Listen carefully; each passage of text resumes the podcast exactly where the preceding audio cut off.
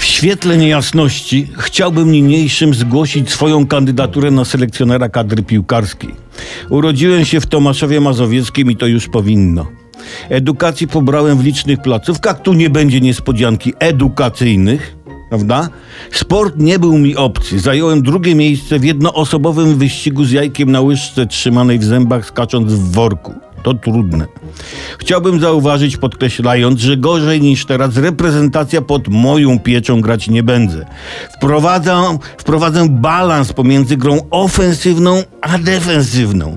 Kiedy będziemy mieć piłkę, będziemy atakować. Kiedy nie będziemy mieć piłki, nie będziemy atakować. Będziemy bronić. W przerwie meczu ciutkę odpoczniemy, ale nie tak nachalnie. Nie chcę zdradzać tutaj wszystkich szczegółów moich planów selekcyjno-szkoleniowych, by nie ułatwiać pracy trenerowi z którą zmierzy się nasza reprezentacja w finale Mistrzostw Europy, a później świata.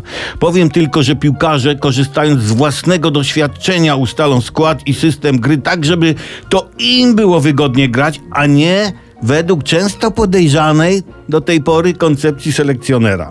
Pod moją wodzą nasi chłopcy zostawią na boisku wszystko: portfele, komórki.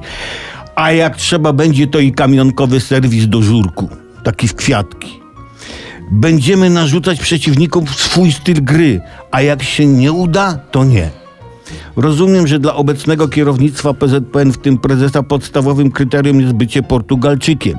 Nadmieniam, że złożyłem już wniosek o portugalski paszport, zatem w pełni popieram swoją kandydaturę na selekcjonera Polski. Olbratowski z paszportem portugalskim, najlepsze wyjście godzące wszystkie opcje.